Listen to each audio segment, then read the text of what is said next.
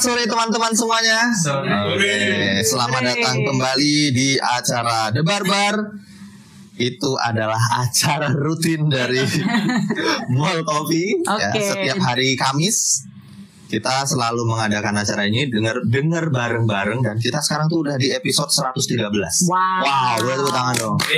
Artinya udah 113 orang ya 113 udah orang ya. 113 sore di sini Oh. kita sudah ngobrol dan kali ini bersama saya J Arif satu jam ke depan kita akan ditemani oleh Kak Luis Najib. Halo Kak. Halo. Apa kabar? Baik. Oke, Alhamdulillah. alhamdulillah.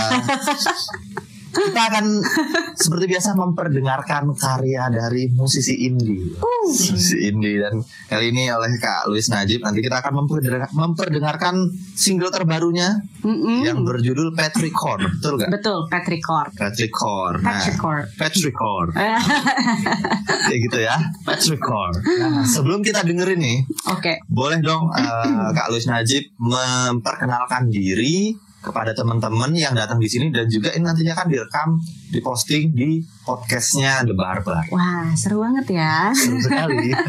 Silakan di- memperkenalkan diri. Halo teman-teman The Barbar, nama saya Luis Najib. Saya adalah seorang eh, penyanyi, penulis lagu, eh businesswoman lah ya bisa dibilang ya. Terus saya seorang ibu dua anak, itu harus disebutin ya. Boleh. Karena itu kayaknya semacam karir juga menurut aku ya. Itu pekerjaan Pencapaian berat juga kan? pekerjaan berat dan pencapaian yang luar biasa. Hmm. Um, dan saya tinggal di Jogja dan saya bekerja eh, saya uh, adalah musisi independen ya dari Jogja Hmm. sebelumnya di label tapi sekarang udah independen udah ngeluarin um, empat lagu uh, secara independen sebelumnya di label Oke. ya gitu sih Oke. kira-kira Ah, Nah, semoga kalian semua enjoy nanti dengan Enjoy. podcastnya Nah, selanjutnya kita mulai masuk ke karya yang akan kita dengarkan nanti. Oh. Boleh dong, sebelum kita dengerin kasih kisi-kisi tentang karya yang akan kita dengerin. Ini lagunya seputar apa? Petrikor itu itu sebenarnya tahu nggak sih petrikor kan artinya adalah bau earth hujan. eh, setelah Bau hujan ya setelah kan. hujan. Kalau menurut aku itu bau yang sangat calming yang kayak meditatif kadang-kadang aku nyebutnya karena setiap hari hujan tuh kadang aku nyari keluar gitu wanginya petrikor gitu baunya. Dan di lagu ini tuh adalah tentang eh, perasaan damai dan tenang setelah menemukan jati diri. Jadi ini tuh kayak penemuan kembali diri sendiri yang setelah lama hilang gitulah istilahnya. Oke, lagu yang menceritakan tentang setelah hujan. Iya. Tapi hujan gula apa hujan apa ya? perasaan damai, perasaan damai yang di yang di ke- yang aku rasain kalau cium bau setelah hujan itu kan ada perasaan damai itu. Nah, itu perasaan yang aku rasain kalau s- eh, tentang penemuan jati diriku ini. Jadi I feel at peace and very peaceful. Jadi kayak ya begitulah ceritanya. yang jelas ini adalah fenomena hujan air ya. Iya. Nah, bukan hujan meteor. ini ini tapi ini meta metamorfosis sih. Ah, ah, metamorfosis. Metamorfosis. Ah, ah, bukan apa eh, Metafora. metafora. Kok Metafora. metamorfosis sih? Emang kupu-kupu. Metafora. Eh, metafora lah. Hmm. Ini ceritanya aja apa? This is not uh, literal, bukan literal, bukan uh, secara gamblang ini ceritanya tentang Oke. hujan, tapi Oke. tentang perasaan Perasaan diciptakan, ya. Oke, oke, oke. Metafora. Metaforanya. Oke, nah Iya. sebelum kita ngobrol lebih jauh tentang lagu ini, Mhm. kita kan udah oke. Ini lagu tentang metafora bau setelah hujan. Coba kita kita coba dengerin. Apakah tercium aroma-aroma Erling Haaland? ya kan? Dia kan sering hujan dulu kan. Aku jangan manggil hujan nanti hujan lagi. Oke, kita coba dengerin dulu eh, Patrick Patrick Hall. Patchwork. Tell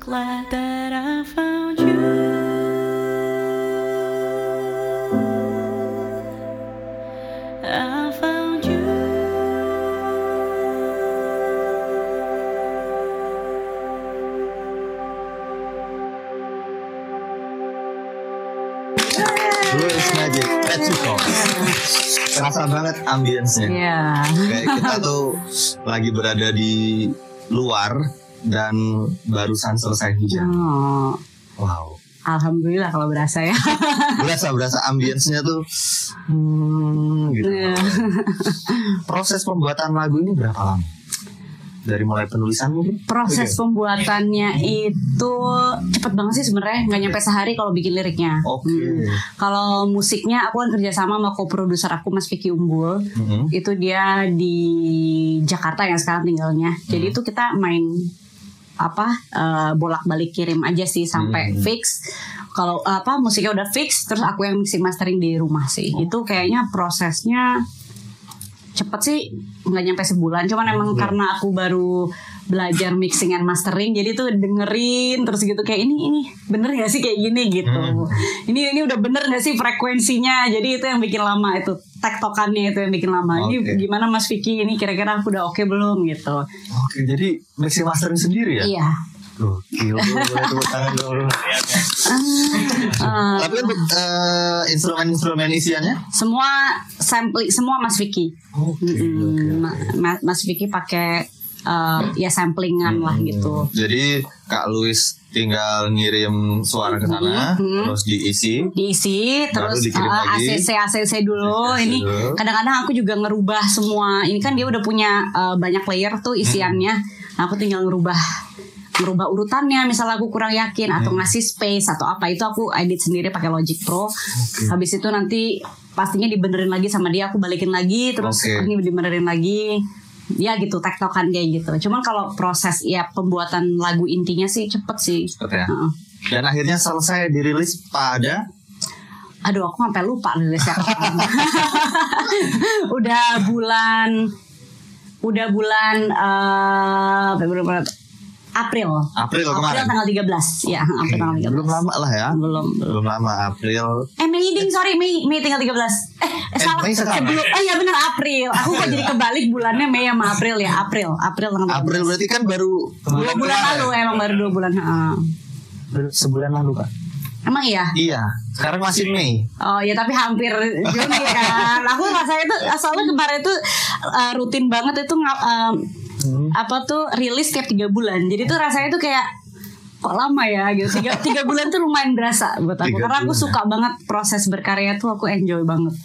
Jadi kayak ini lumayan nganggur nih sekarang. Jadi sudah empat ya. Iya Empat dan wow juga sudah cukup banyak loh listenernya.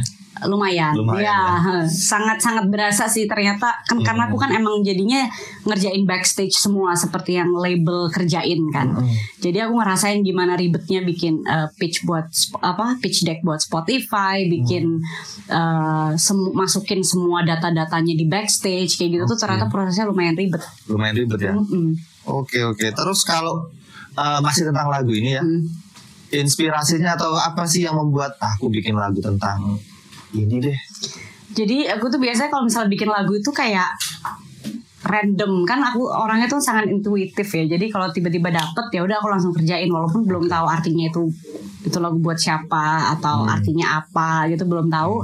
Jadi liriknya baru pas baca oh iya ya ini tentang aku sendiri nih gitu. Baru baru nyadar kayak gitu gitu. Jadi prosesnya tuh nggak pernah disengajain kayak aku mau bikin lagu soal ini gitu. Oh, tuh enggak. jarang jarang jadi biasanya secara in- in- intuitif aja kayak eh, ran- lum- lumayan random sih prosesnya.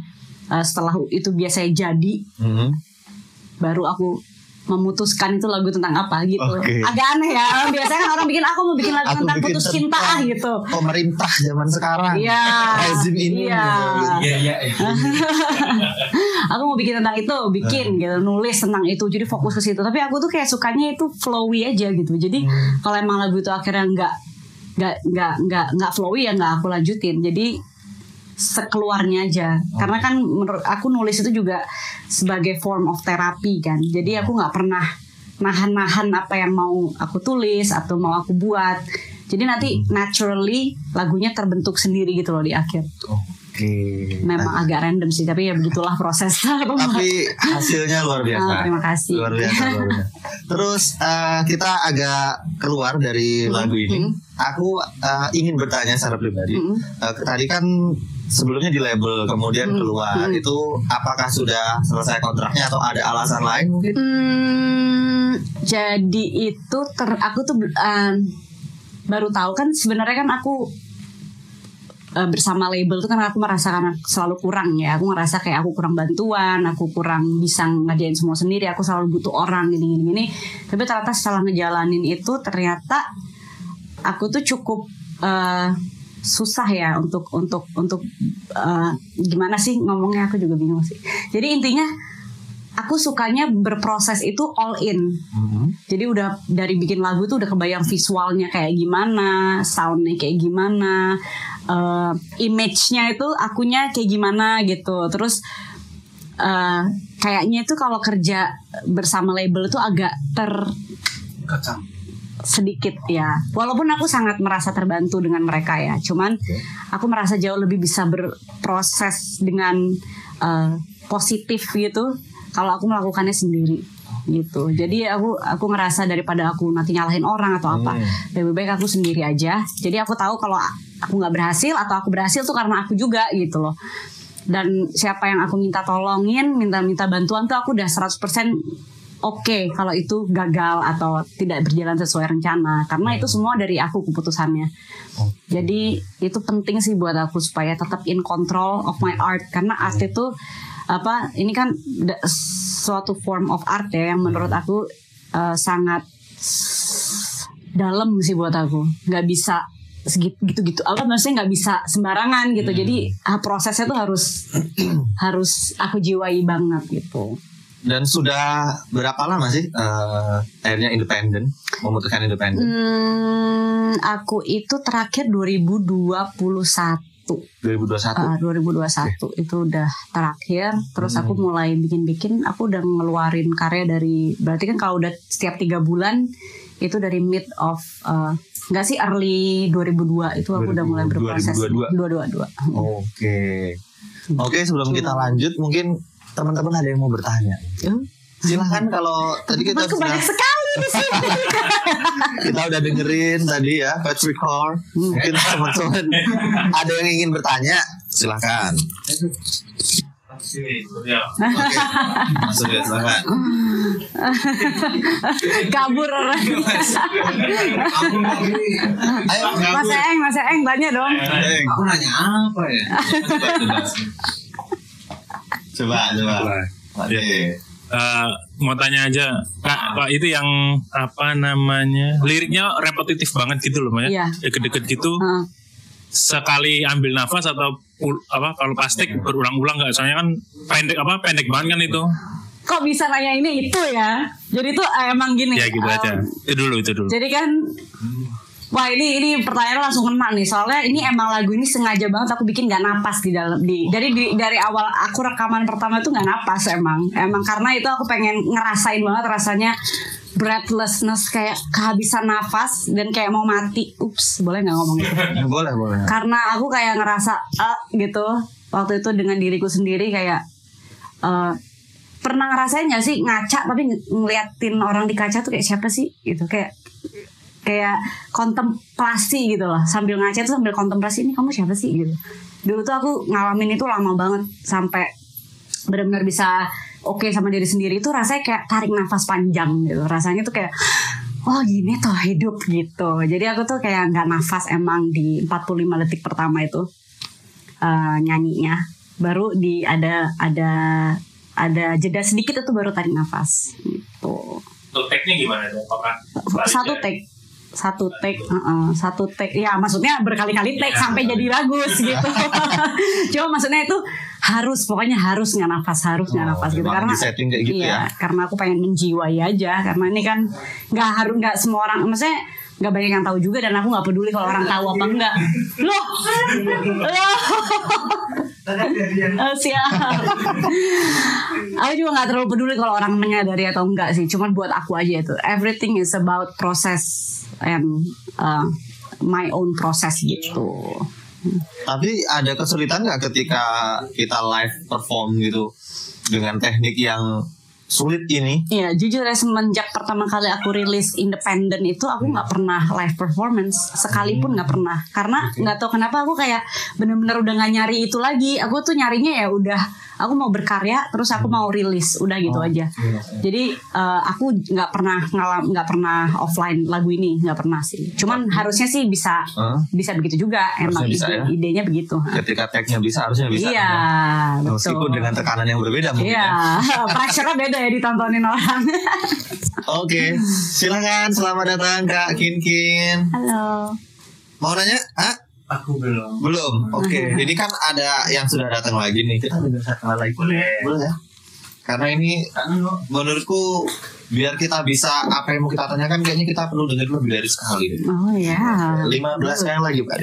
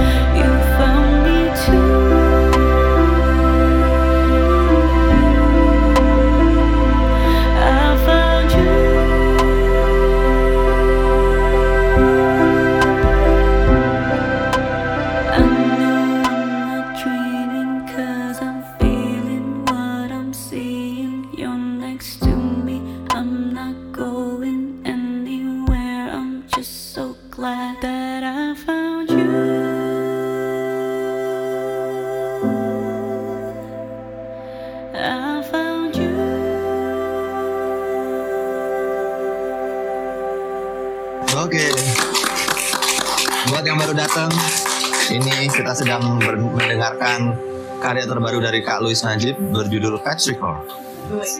Patrick Petrichor. Sebuah lagu yang menceritakan tentang suas seperti suasana setelah hujan, mencium aroma-aroma setelah hujan.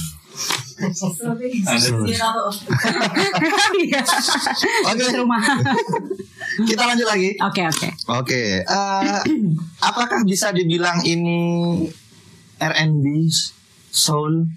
Hmm, mungkin lebih pop alternatif Pop kali alternatif? ya. Mm-mm. Oke. Apakah ketika di label dulu juga seperti ini atau setelah memutuskan independen berubah haluan?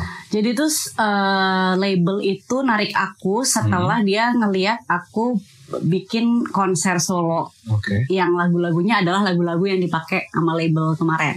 Hmm. Jadi itu sebenarnya lagu-lagu yang di label itu lagu-lagu aku juga sebenarnya yang aku bikin sendiri juga sama tim aku yang sebelumnya.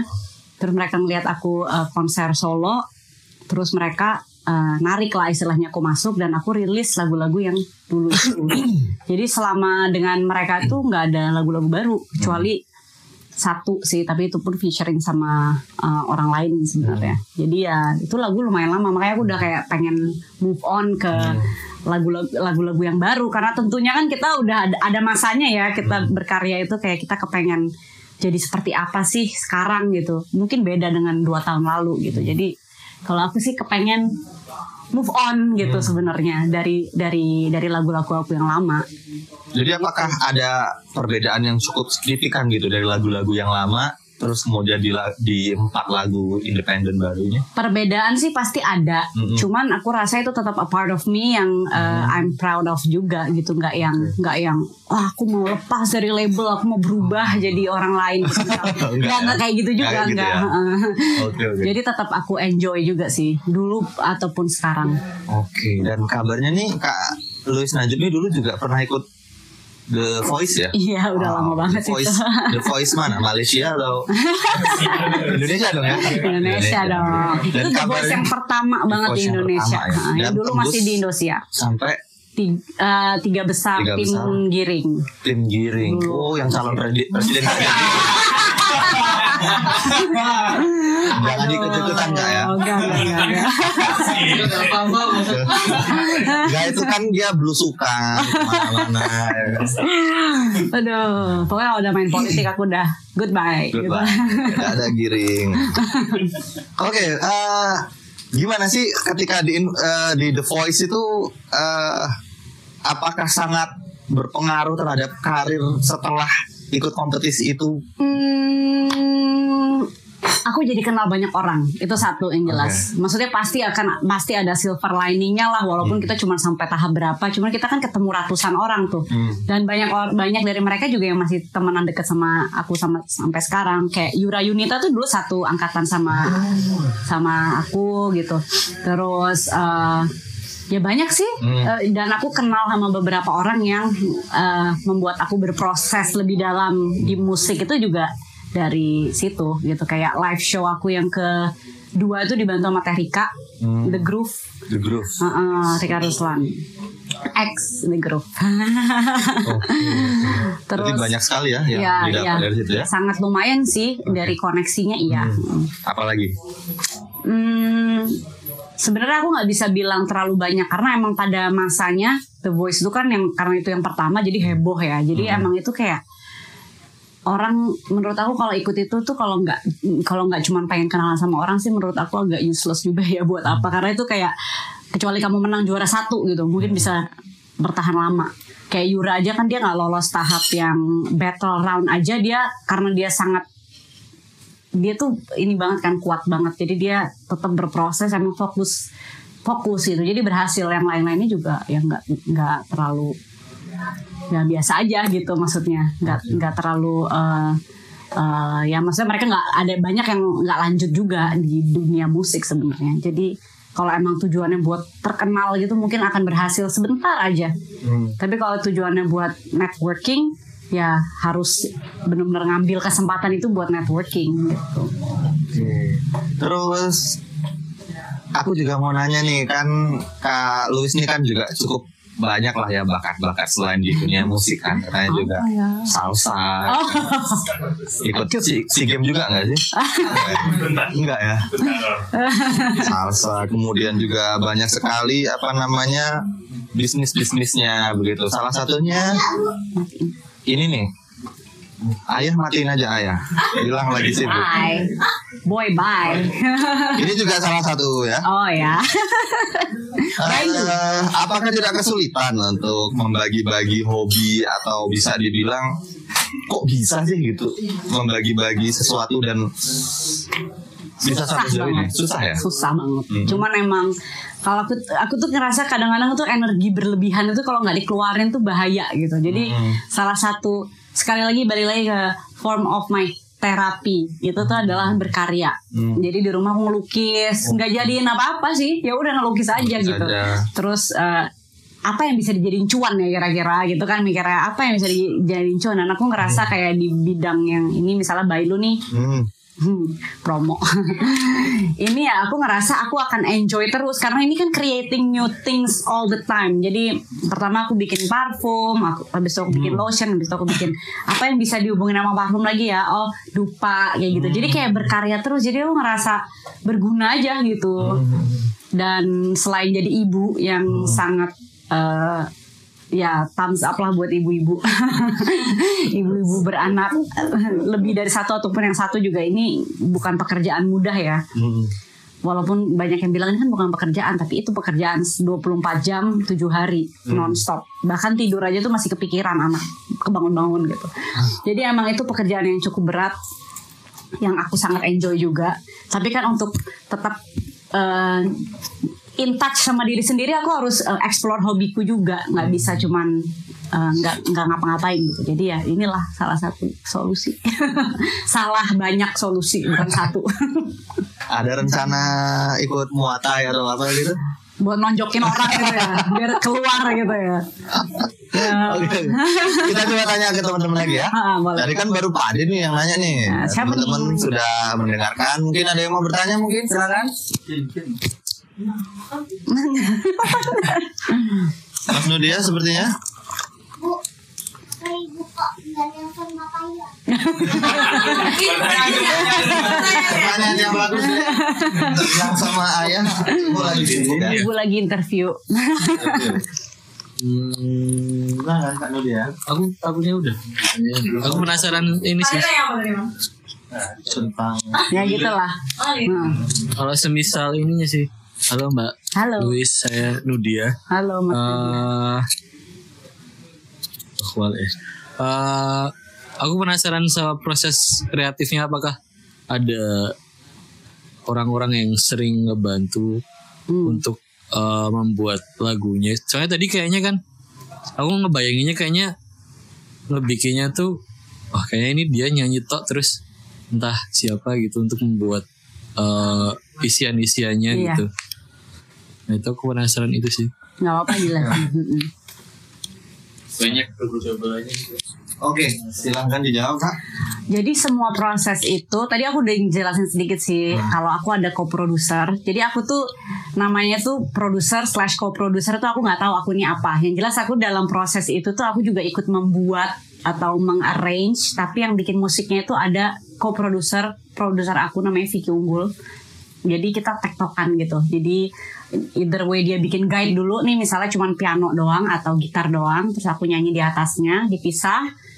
Terus habis itu aku kirim vokal, dia ngisi lagi dengan instrumen lain, dibalikin lagi ke aku, aku suka atau enggak, apa yang mau dirubah, eh, moodnya mau gimana, balikin lagi ke dia. Jadi selalu begitu, tapi aku nggak pernah bikin musiknya. Jadi aku selalu bikin eh, lagunya, melodinya, liriknya, tapi tektokannya jadi aku di Jogja bikin lirik dan melodinya, dia di sana bikin musik gitu. Jadi itu itu pokoknya berjalan terus ya tektokannya sampai itu jadi seperti yang aku mau. Kadang-kadang aku arrange ulang, aku potong, aku pindahin. Terus semua rekaman aku di rumah pakai alat yang sangat seadanya. Iya, semua di rumah pakai Shure SM58 Dynamic. Itu saya itu. pakai dynamic dynamic microphone aja di rumah terus aku mixing mastering sendiri. Mm-mm. gitu. Dari mana? Nggak nggak. Ya pakai feeling aja. Tapi aku juga banyak eh, ngeliat tutorial pastinya di YouTube. Tapi ternyata semua engineer sound engineer itu beda semua ininya cara apa mereka eh, cara-caranya tuh bener-bener bisa beda banget gitu. Jadi aku gimana ya gitu? Aku aku eh, akhirnya aku ya udah aku coba dengerin satu youtuber aja nih dulu nih. Aku coba ikutin cara dia cocok apa enggak nih. Terus aku ganti youtuber lain. Terus aku coba lagi. Oh sampai akhirnya nemu. Jadi kadang satu lagu tuh kayak beda youtuber satu lagu tuh YouTube- youtuber lain. Tergantung aku moodnya yang mana nih dengerinnya jadinya gitu Bukan. Kenapa? Ria Ricis mbak ya. Mixing. Gimana kalau kita tanya sama salah satu tukang mixing? Oh iya, juga. Aduh, jangan jangan di komennya mixing aku mas. Maaf ya. Mas. Enggak bagus kok mixingannya. Oh masa Aku- sih mas? Aku mau impresi aja. Mm-mm. Eh tadi tuh kan Patrick Hore ini kan eh, nyeritain tentang penemuan jati diri ya. Ya, Aku seneng di refnya tuh ada kayak I found you and you find me tuh ya. found me too. Ah, ah. ternyata itu tuh yang you itu yang maksud diri kamu sendiri Iya. ya ternyata. Ini itu menarik itu. Iya. Dan kalau belum diceritain mungkin kalau denger refnya aja oh, ini kayaknya tentang Cinta. dua sejoli ya. Iya, Ternyata betul. tentang sejoli yang baru menemukan jati dirinya. Iya. Itu sih menarik. Ah sama ini ada pertanyaan. Hmm. Kenapa di akhirnya panjang ada ambience yang panjang? Oh, oke. Itu aja sih. Ya. Em, pertanyaan bagus. Jadi aku tuh em, udah punya visi ya. Kira-kira kalau aku misalnya nih, aku berniat mau eh, bikin album nih atau mini album. Satu lagu antara antara satu lagu dengan lagu lain tuh harus nyambung. Jadi itu udah disiapin dari dari awal supaya belakangnya itu untuk masuk ke track selanjutnya itu nggak jomplang gitu. Karena itu permainan mood juga ya. Jadi dari dari lagu pertama sampai lagu misalnya lima lagu itu harus nyambung dan ada alur ceritanya gitu. Walaupun nanti mungkin liriknya akan berbeda arti, cuman eh, feelingnya, moodnya itu kan ada ada dinamikanya gitu. Jadi harus dipikirin dari situnya juga. Begitu. Gimana? Apakah terjawab? Terjawab. Oke, eh, kita break sebentar. Siap, azan azan ini selesai ya. Kita tadi sudah mendengarkan Patrick Core dan sekarang apa kak? Eh, Tattooed Love boleh sih. Itu yang pertama kali aku rilis pas di label. Tattooed Love.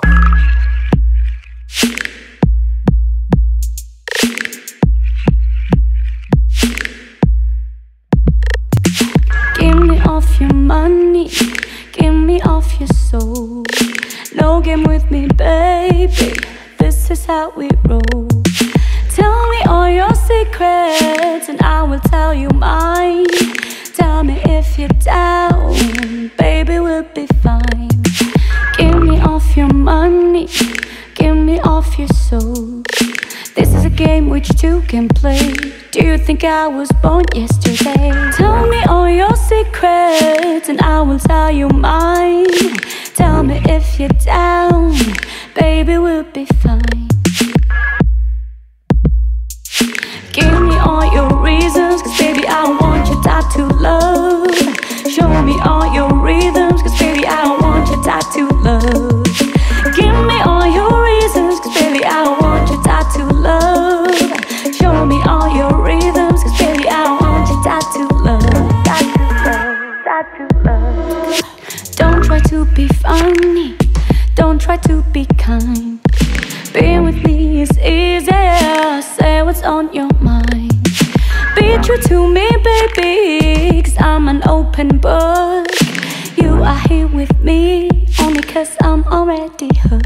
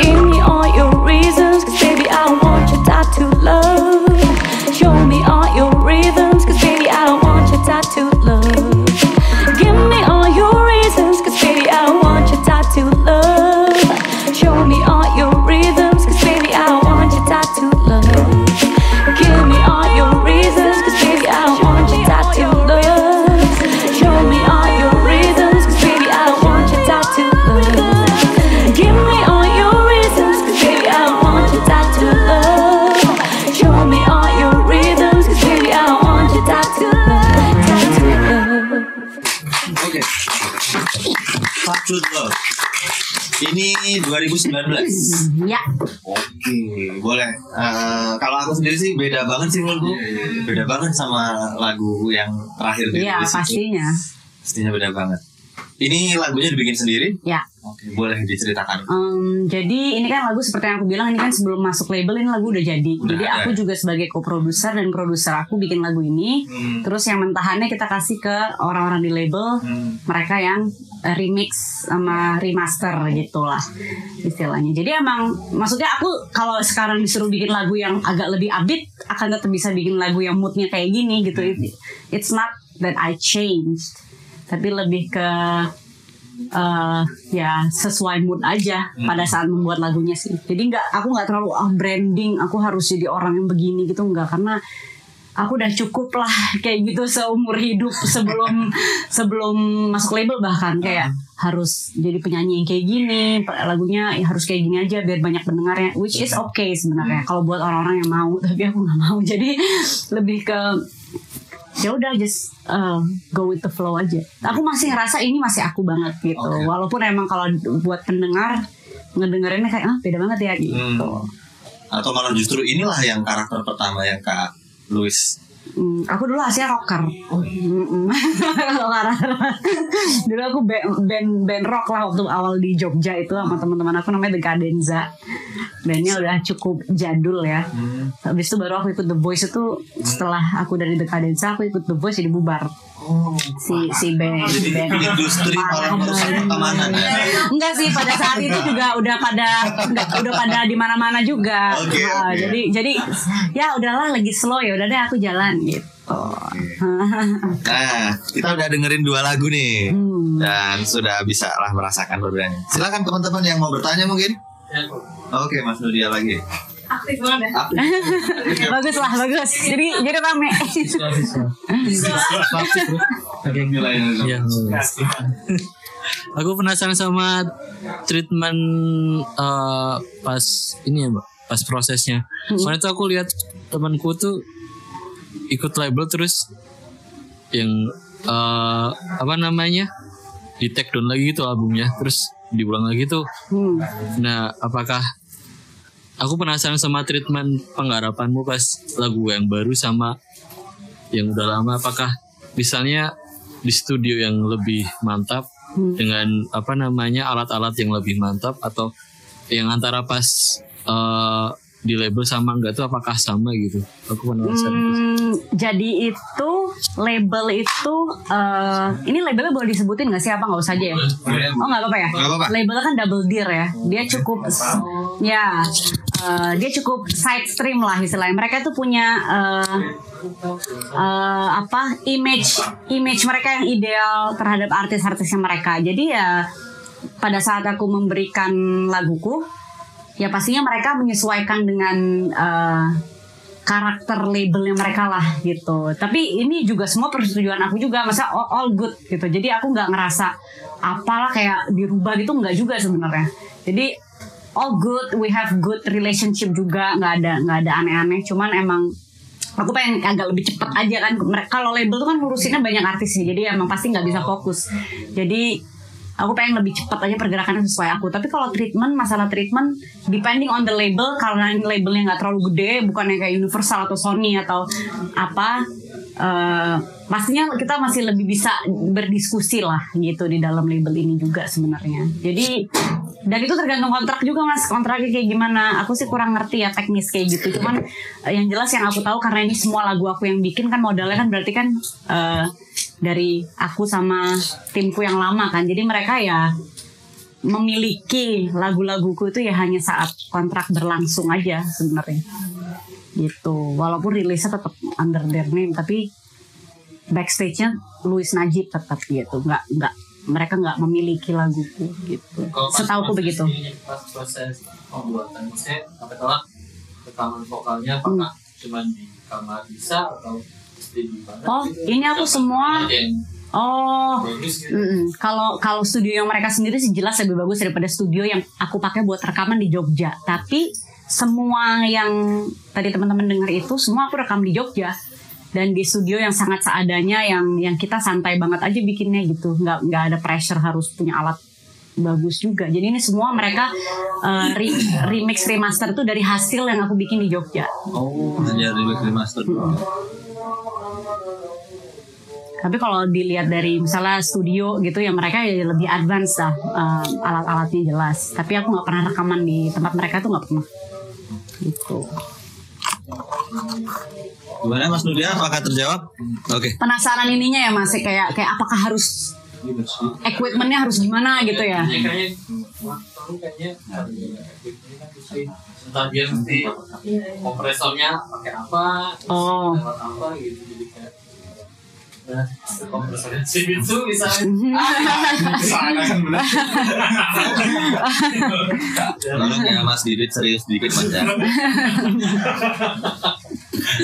Aku nggak tahu nama alat-alat jujur aku cuma datang rekam terus dengerin gitu. Terus eh, kita saling memberikan feedback. Dan aku nggak pernah masalah sih aku ngerasa kayak eh, hasilnya itu kayak emang kenapa harus alat bagus? Aku nggak ngerti kenapa harus alat bagus. Bener-bener nggak ngerti kenapa ada konsep itu gitu. Maksudnya if we're okay with what we have kenapa nggak dilakukan aja gitu dikonsepin aja alat jelek konsepin aja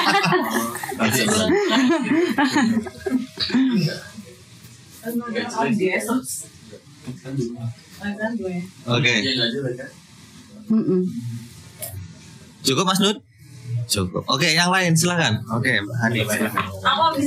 Yeay. Mbak Hani dulu. Eh, Mbak Hani dulu. Halo. Halo Mbak. Halo. Kenalin nama saya Hani. Halo, aku Um.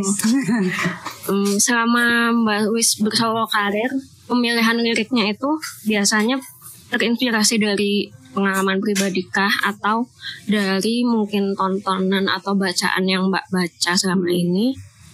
Terus pertanyaan kedua, gimana sih kan Mbak Wis kan sebagai seorang ibu ya? Ya. itu gimana cara ngatur waktu manajemen waktu untuk bermusik sama mengurus anak kayak gitu. Jadi sih terlah. Sang- sangat membantu. itu dulu aja Oke. Tadi pertanyaan pertama proses lirik ya.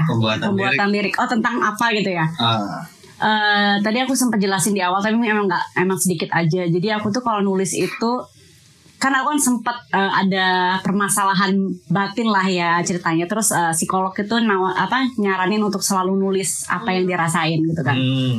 Eh, semuanya tanpa dipikir harus langsung ditaruh ditulis gitu. Jadi kayaknya dengan konsep itu aku jadi kebiasaan untuk menulis sesuatu tuh nggak pakai mikir mbak. Jadi emang benar-benar aku nulis terus biasanya emang dalam bentuk puisi tapi kayak fast eh, speed writing lah istilahnya. Jadi emang nulis nulis cepet cepet cepet cepet nggak usah mikir lah pokoknya gitu. Sampai jadi panjang gitu nggak pakai mikir terus habis itu aku baca lagi.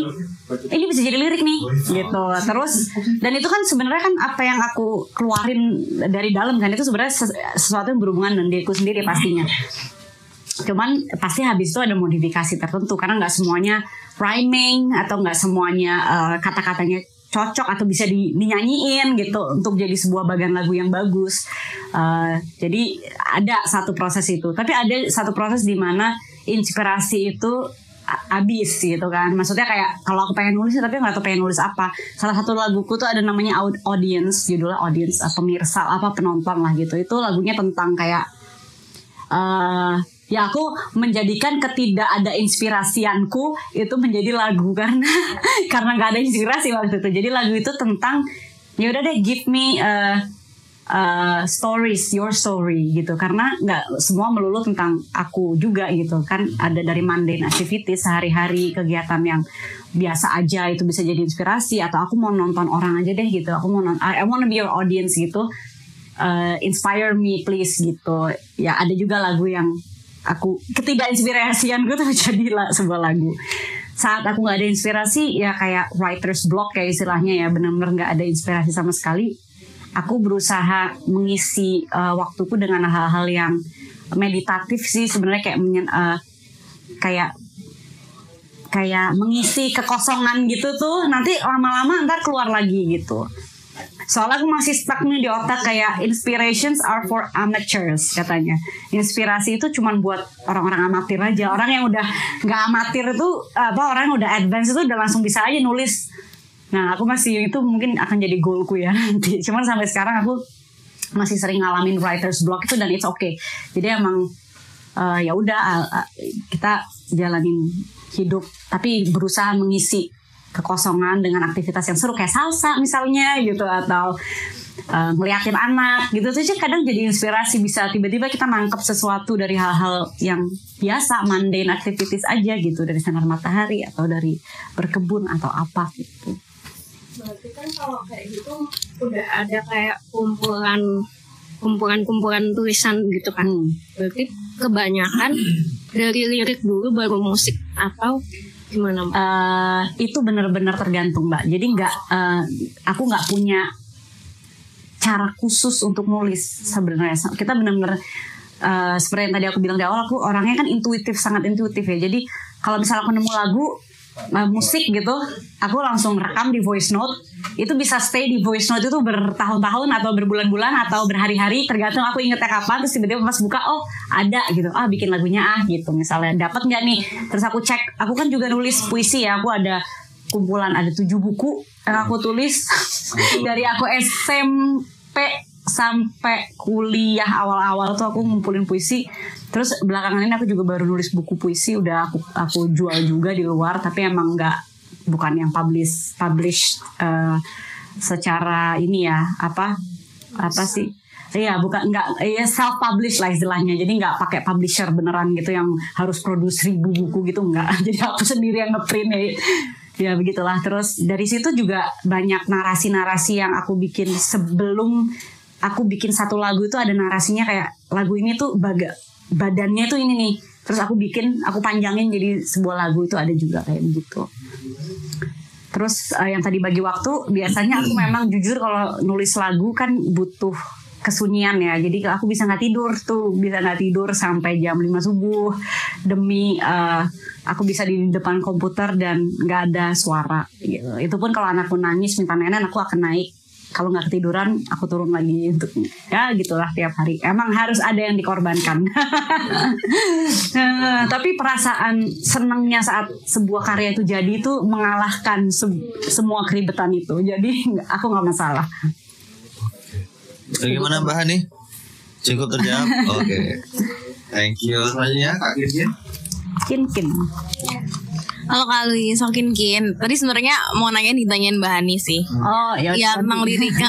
Tapi aku kayak notice di di Petrichor ini tuh banyak banget kata-kata yang rhyming. Hmm. Terus aku kan juga suka banget ya kal- kalau nulis lirik tuh aku usahain rhyming. Nah, Hmm. kalau Kak Luis tuh tipikal yang yang penting rhyming. Hmm. Sometimes doesn't make sense nggak apa-apa. Hmm. Atau kayak kalau bisa sih ada artinya gitu. Karena aku ngalamin kayak for the sake of the rhyme, Iya. aku kayak ya udahlah yang masukin aja gitu. Yang penting cocok belakangnya.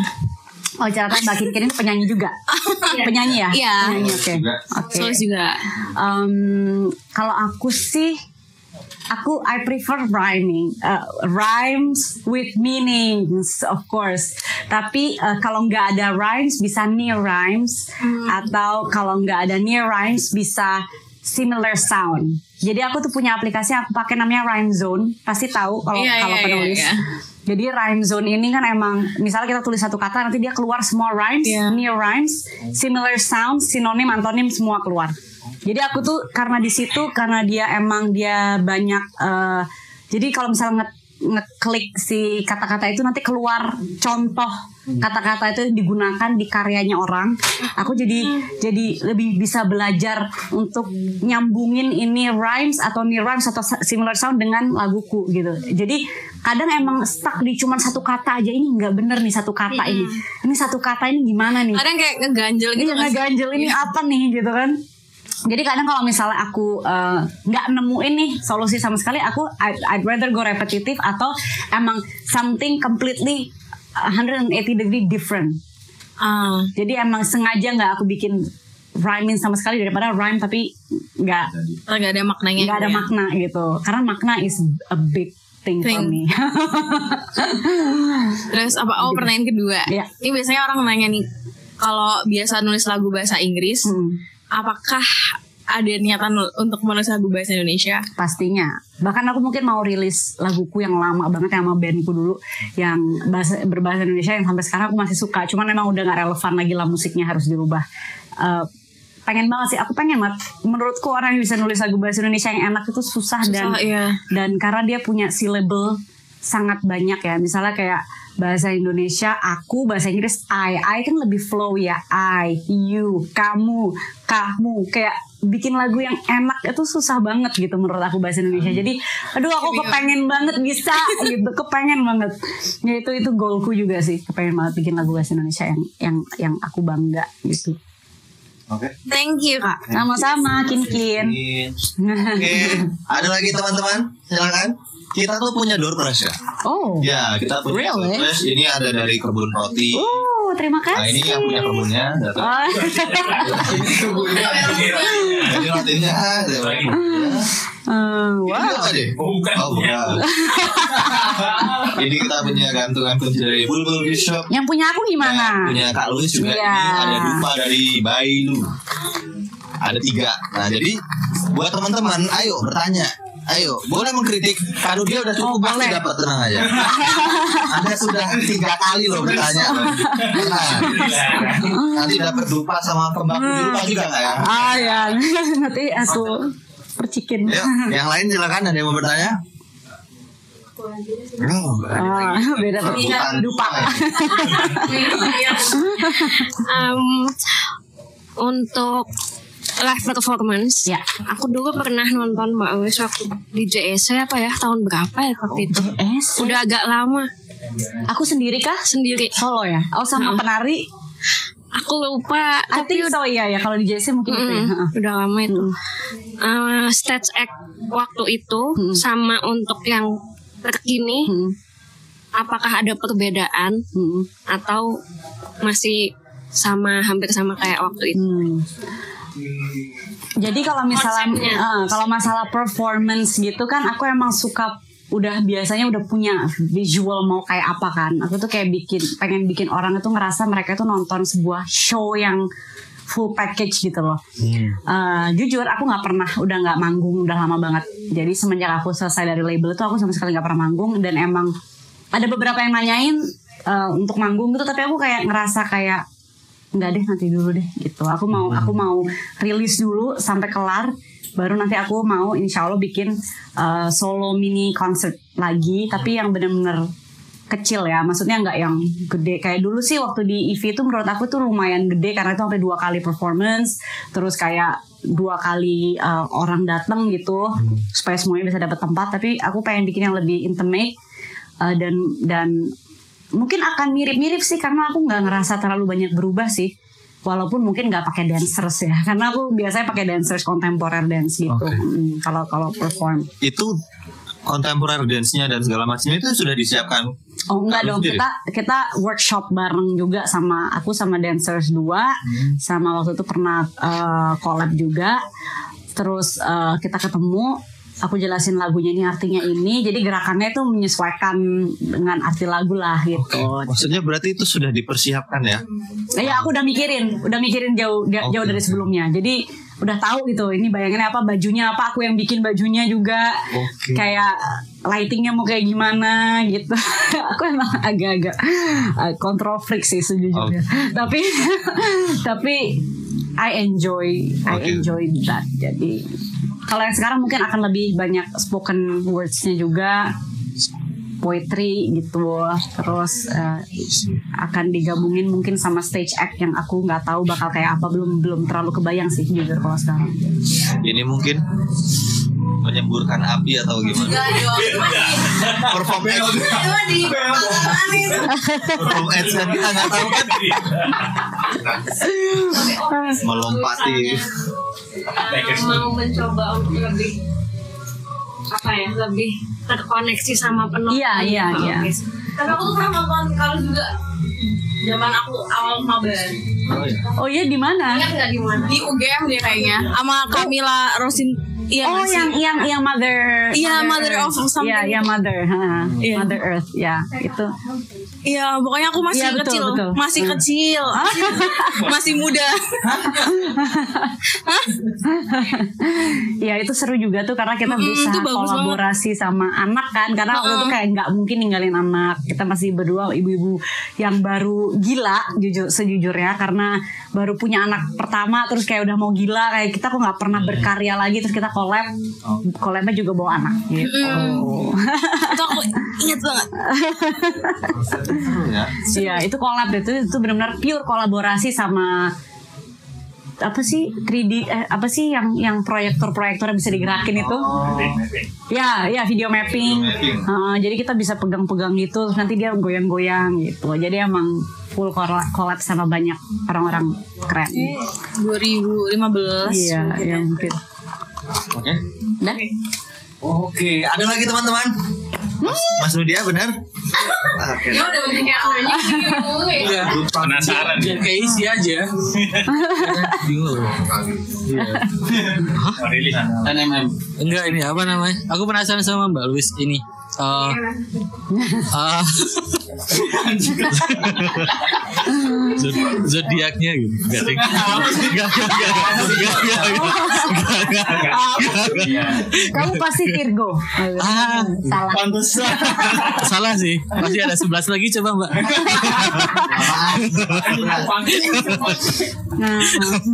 Uh, aku penasaran sama uh, perjalanan bermusiknya dari Oh, maksudnya aku kayaknya mau bermusik ah. Itu dari start kapan gitu? Oh, apakah dari SD udah mulai bernyanyi-nyanyi di uh, apa gitu? Itu cebelasan misalnya.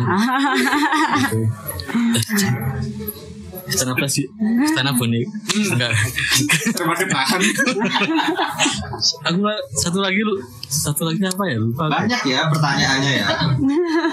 Apa-apa kita tinggal sama sama ini nih Eh, kayaknya Mbak Luis kan udah lama banget berkarir ya. Eh, kayak mm, pelajaran yang paling berkesan tuh apa gitu. Misalnya kayak oh ternyata tuh eh, untuk mengatur delay itu harus sekian dibagi sekian misalnya gitu. Atau apa gitu. Hmm, sekian dibagi sekian itu maksudnya waktunya atau apanya gitu ya? Bebas aja ya aku ngasih sarannya ya wisdom aja nih ceritanya. Oke, yang pertama dulu nih. dari kapan? oke. Bermusik. Nah, wah itu aku aku seingatku sih dari ah kayaknya dari semenjak bisa ngomong tuh aku udah malah katanya orang tua aku tuh aku udah bikin lagu-lagu gitu dari hal-hal yang aku lihat gitu. Jadi pertama kali ngomong do. Do, nah. Wah, ya kayaknya aku orang tuanya gitu ya. Tata tata tata yuk. gitu. aduh loh Selamat datang, selamat datang. kok masih kok dateng aku, kira nggak Oh, dateng ini yang dari Boyolali tadi. Iya Luar biasa. tuh kan Selamat datang kakak-kakak semua. Lagi panas Enjoy. Ah itu ada burung dinosaurus itu memang. Silakan, Jadi perjalanan, bermusik, Bermusik. itu dari aku kecil banget tuh aku udah mulai bikin-bikin lagu kan. Tapi kayaknya orang tua aku tuh nggak pernah bener-bener nge-push aku untuk jadi penyanyi sih. Sampai waktu SMP itu aku join band dan anehnya adalah gitaris yang eh, masih bareng aku sekarang sampai sekarang itu adalah gitaris pertama yang aku temu dulu zaman SMP aku di Kalimantan Timur tuh di Balikpapan. Jadi ini project next project untuk bulan Juli ini aku masih sama dia bikin projectnya gitu. Jadi circle itu tuh aku jaga banget karena aku orangnya cukup picky ya sama orang-orang di sekitar aku karena aku nggak mau buang-buang energi buat uh, I don't want I just don't want to waste my energy uh, towards the wrong people aja gitu. Jadi aku benar-benar orang yang deket sama aku tuh aku keep keep selama mungkin. Jadi termasuk gitaris aku itu dari SMP aku bikin band, terus aku kuliah bikin band masih sama teman aku yang dari SMP itu, yang band rock itu. Setelah kita bubar dia ke Jakarta dan segala macam, baru aku solo karir. Um, dari aku sih sem- sempat menurut aku lumayan banyak ya pengalamannya ketemu-ketemu orang, ketemu Pak Yan Juhana dari Sony diajak diajakin maksudnya kayak untuk diarahin musiknya. Tapi kok aku nggak ngerasa serak gitu kayak jangan-jangan emang ini bukan buat aku ya musik industri. Aku sempat banyak banget yang banyak banget pikiran yang ngebuat aku kayak nggak nggak nggak nggak gitu. Tapi udah sampai sekarang aku nggak menyesali sih keputusan-keputusan aku nggak mau diarahin itu karena eh, menurut aku kayak eventually it's just like eh, apa gunanya hidup kalau kita nggak jujur aja sama diri sendiri sih? Jadi aku nggak peduli nggak terlalu peduli. Walaupun itu jadi kayak perasaan yang happy kayak kemarin dapat centang biru tiba-tiba ha gitu kaget kayak that validation anehnya emang bikin kita ngerasa wow gitu. Aku dikenal ya gitu. Tapi ternyata nggak sepenting itu. Yang penting itu adalah menurut aku ya udah jujur aja sama diri sendiri. Terus berkarya aja terus. Jadi perjalanan musikku tuh basically udah seumur hidup gitu mas tapi aku masih di sini sini aja tapi aku nggak terlalu peduli dengan status juga sih sebenarnya kayak ya udah jalanin aja sesuai hatimu gitu Oke, pertanyaan yang kedua tadi lupa aku sampai pertanyaannya apa yang Kak Louis dapatkan? Oh, iya. Ya, pengalaman hidup atau ya begitu. ya. Dalam bermusik ya, apa sih yang Eh, didapatkan? jangan terlalu menggantungkan diri sama orang lain sih. Be resourceful aja. Eh, dengan apa sama diri sendiri aja. Kalau ekspektasi sama orang lain itu kalau kalau kesa ada yang sesuatu yang terjadi itu kita sakit hati banget.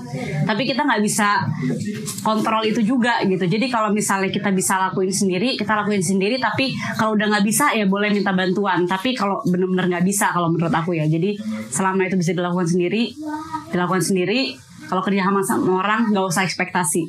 Apa pun malah. Kayak kita kalau udah lepasin kerjaan ke seseorang be okay with anything. Menurut aku ya karena aku kayak suka mm, sakit sendiri kalau misalnya ternyata expect aku expect lebih sama orang ternyata aku nggak dikasih itu gitu. Malah jadinya kayak ih kok gini sih? gitu banyak kayaknya kena nih. Relate relate. Jangan ekspektasi orang pokoknya kalau mau ekspektasi serendah mungkin aja. Jadi hasil apa pun yang dia deliver orang deliver atau kita terima kita bisa eh, ada senangnya juga gitu. Jadi nggak nggak sebel gitu. Soalnya aku pengalamanku adalah kerja sama banyak orang gitu kayak aku malah jadi kok gini gitu kok gitu. Sampai aku bisa belajar untuk tidak berekspektasi atau berekspektasi sedikit aja. Nggak usah banyak banyak gitu lah Eh, aku ada yang ngajarin juga sound engineer aku tuh Mas William eh, Will Tampi kalau tahu. Jadi kalau misalnya aku bingung sama sesuatu aku langsung telepon dia langsung eh, apa kai kai suara apa? suara dolphin dari dari ini dia langsung aku telepon terus dia langsung ini nyambungin dia kontrol screenku Ah, oke. gitu di diajarin gini loh mbak gini loh mbak aku suka lupa kan jadi semua alat yang jadi di rumah itu ada alat yang aku bisa bawa jadi aku bisa live performance basically anywhere. Aku tuh M18 ya MR18 ada alatnya itu. Jadi aku kayak kalau mau recording di rumah atau live recording eh, midas itu. Jadi aku ya udah. Jadi all all all I can do myself gitu. Jadi aku minta bantuan sama orang-orang yang bisa ngajakin aku ke arah itu. Aku bis- pengen bisa ngelakuin semuanya sendiri gimana caranya gitu. capek sih cuman kayak jadinya kita juga nggak ketipu juga sama orang maksudnya kita punya standar lah istilahnya gitu Bagaimana? Apakah terjawab? Oke. Ah, menurutku kayaknya kita perlu mendengarkan satu lagu lagi. Eh, tapi ini adalah lagu yang aku request yang paling banyak didengarkan di Spotify. Yang myself. oh ya Oh, itu aku bingung juga kenapa orang banyak dengerin ya Ini adalah eh, apa namanya lagu yang dirilis sendiri sendiri sebelum ini persis sebelum Sebelum Patrick. Oke. Myself. Myself. Oke. Ini adalah lagu yang paling banyak didengarkan. been practicing self love for as long as I could remember. And what was the self love I thought I knew about? Was it only loving my good parts? Or also my least admirable parts? I'd be telling lies if I said I didn't deserve it. I've been running in and out of love for as long as I could remember. I'd be talking nonsense I said I got it under control.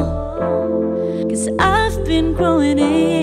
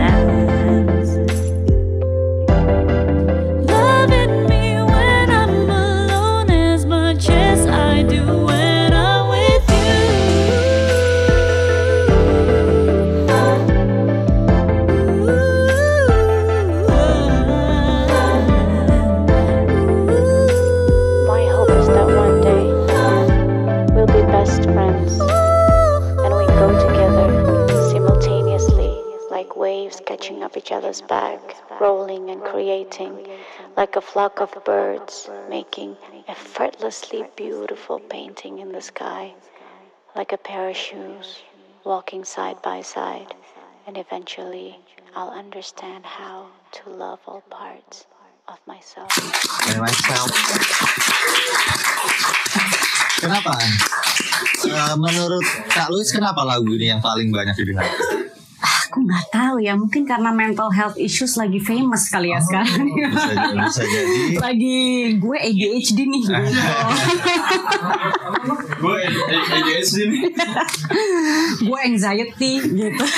Iya, iya, bisa jadi. ya ya mungkin karena itu sih tapi tapi in all honesty menurut aku musuh, ter- musuh terbesarku selama ini tuh aku sendiri gitu jadi emang semua lagu yang aku eh, maksudnya yang aku benar-benar rasain banget tuh adalah kayak semacam eh, terapi gitu loh buat aku jadi banyak dari lagu-laguku yang belakangan ini baru aku rilis itu tentang ya kayak journaling aku gitu tentang tentang finding myself, loving myself gitu.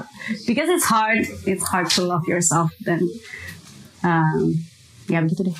Jadi kayaknya orang banyak relate karena itu. Jadi ini kan kalau di dari distributor aku Believe itu kan aku dapat backstage-nya kan. Nah, aku bisa ngelihat ini lagu kenapa bisa banyak orang yang denger tuh karena mereka benar-benar masukin ke playlistnya mereka pribadi gitu. Oke, oke. Jadi selain di up sama Spotify masuk ke misalnya uh, Southeast Asia apa uh, New Music Friday yang So- Southeast Asia itu kan bikin orang lain orang jadi bisa dengar. Nah terus mereka suka, mereka masukin ke playlist mereka sendiri. Itu yang kayaknya bikin lebih banyak pendengar karena mereka dengerin tiap hari gitu Iya, secara iya. personal. Oke, oke. Jadi mungkin relate ya karena itu mereka ngerti. Tapi dari Kak Louis sendiri, apakah memang ada sesuatu yang yang begitu pada diri kakak? Ya iya dong, kalau nggak nggak akan jadi lagu. Oh iya, Tapi so much better now gitu. Oke. Heeh. sudah lebih baik ya. Iya. Oke, Hmm. oke ya. Kita sudah wow satu jam lebih dari jam 6 tadi. Iya. Kita sudah mendengarkan terakhir. Oh, Oke, ada satu pertanyaan terakhir ya. Silakan. Dapat dupa. Em, untuk target rilis selanjutnya, Iya.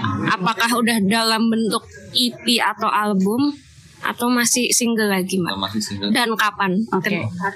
Eh, jadi aku aku push push eh, aku sendiri supaya selalu rilis setiap tiga bulan. Karena kan aku yang kontrol sama semua backstage juga kan. Jadi jadi benar-benar aku bebas lah nggak ada yang ngatur lah. Tapi karena aku udah nggak di label aku harus nge-push diri aku sendiri untuk rilis setiap tiga bulan. Karena itu waktu lagu turun dan tiga bulan buat Oh, balikin naikin lagi, gitu. Dan akan selalu ha, memelihara lah mainten- maintenance maintenance gitu. Dan akan selalu dalam bentuk single sih sementara ini. Karena treatmentnya mirip banget single sama EP padahal EP orang dengerin mungkin sekali gitu tapi kalau single kan satu fokus ke satu track gitu Oke, berarti Iya. kalau yang Patch Record tadi April, Mei, Juni, Juli besok. Juli. Oke, dan sudah selesai. sudah lagunya sudah selesai tinggal recording vokal sama mixing mastering terus akan di up Juni ini udah harus masuk kan kalau kayak gitu tuh sebulan sebelumnya tuh harus ready jadi tiap dua bulan tuh harus kelar proses satu bulan masukin biar bisa di pitch di Spotify biar ada waktu buat tim dari Spotify untuk masukin ke playlist kalau bisa. Kalau dapat kalau enggak juga nggak apa-apa. Tapi kita berusaha sebulan sebelum rilis tuh udah up di backstage gitu. Oke, kalau aku boleh tahu sendiri sebenarnya goalsnya apa sih kak? Ketika menolak tawaran manggung offline ya, Mm-mm. katanya aku udah nggak mau dulu, tapi rutin tiga bulan sekali rilis tiga bulan sekali rilis, tapi disuruh manggung nggak mau gitu. Apa goals yang mau dicapai? karena kalau misalnya aku mau manggung offline itu kan berarti kan aku butuh latihan offline Mm-mm. latihan offline yang rutin cukup rutin. Mm. dan plus aku punya bayangan kayak gimana mau offline itu. Hmm. gimana caranya supaya aku bisa maksimal offline kalau aku latihan aja setengah-setengah. Terus aku masih ada bisnis aku masih ada anak.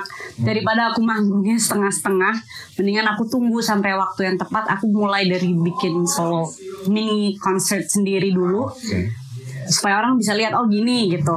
Nanti next ke aku di tempat lain ya akan mengikuti eh, apa sih namanya kalau ya itu itulah kayak begitulah Konsepnya gitu. begitu. konsepnya beginilah gitu. Jadi cannot go lower than that gitu. Sekarang aku udah kayak bisa bisa mikir aku maunya yang yang gini aja deh yang yang buat aku. Kalau kalau nggak sesuai itu aku nanti aja gitu. Dan itu sudah direncanakan tuh.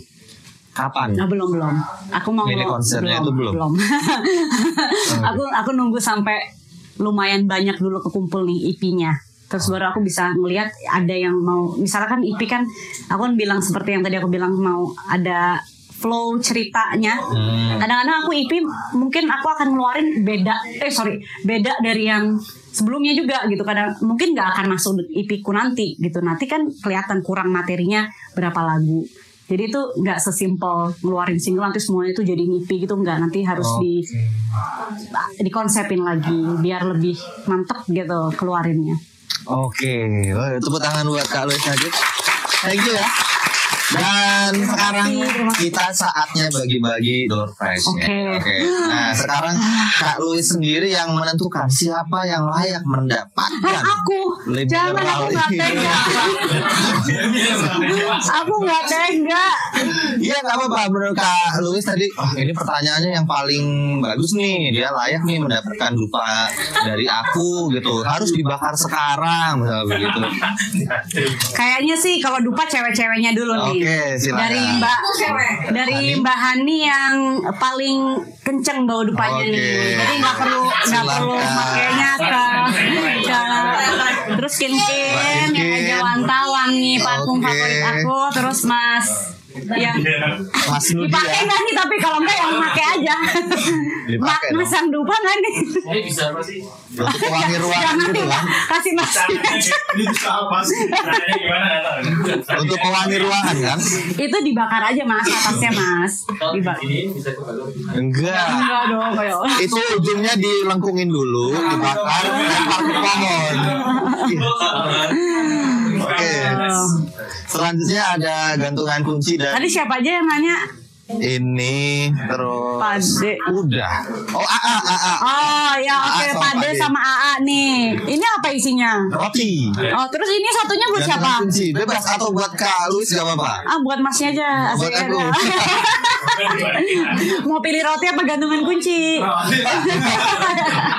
Itu buat Kak Luis aja untuk kenang-kenangan dari sini. Oh siap lucu Oke. sekali. Terima kasih. Oke sebelum menutup acara The Barbar Ya.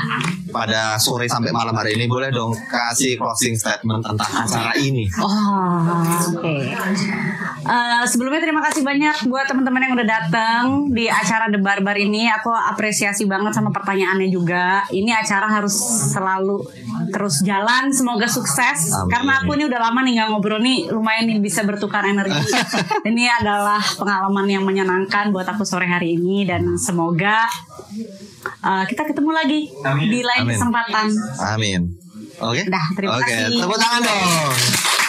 Dan aku mau ngucapin juga untuk yang sudah mensupport acara ini. Iya. Terima kasih untuk Mall Coffee, Sonlet Arian, Kekepin, Dompet, Rilisan Fisik, Dono Terbakar, Kukili Cookies, Diskon YK, Lawas Pantas, J Craft, Bulbul Gift Shop, Res Haris, Kebun Roti, Excellent Souvenir Invitation, dan Subi Dupak. Yeay. Dan juga media partner yang udah mempromosikan acara ini ya di media sosial. Ada Koloni Gigs, Musik Jogja, YK Weekend, Yeay. Bilik Musik, dan Angkringan Musik. Yeay. Jangan lupa dengerin podcastnya akan rilis hari Senin jam 3 sore Yes. di Spotify The Barbar. The Kemudian Barbar. minggu depan ada siapa? Hip Project. Hip Project. Hip Project. Itu anak-anak mana? Jogja juga. Jogja juga, oke. Oh, ada anak-anak jazz. Oke, jangan lupa minggu depan hari Kamis habis maghrib di sini ya teman-teman. Terima kasih yang sudah datang dari mana pun kalian ada, ada yang dari Boyolali, ini ada apa lagi?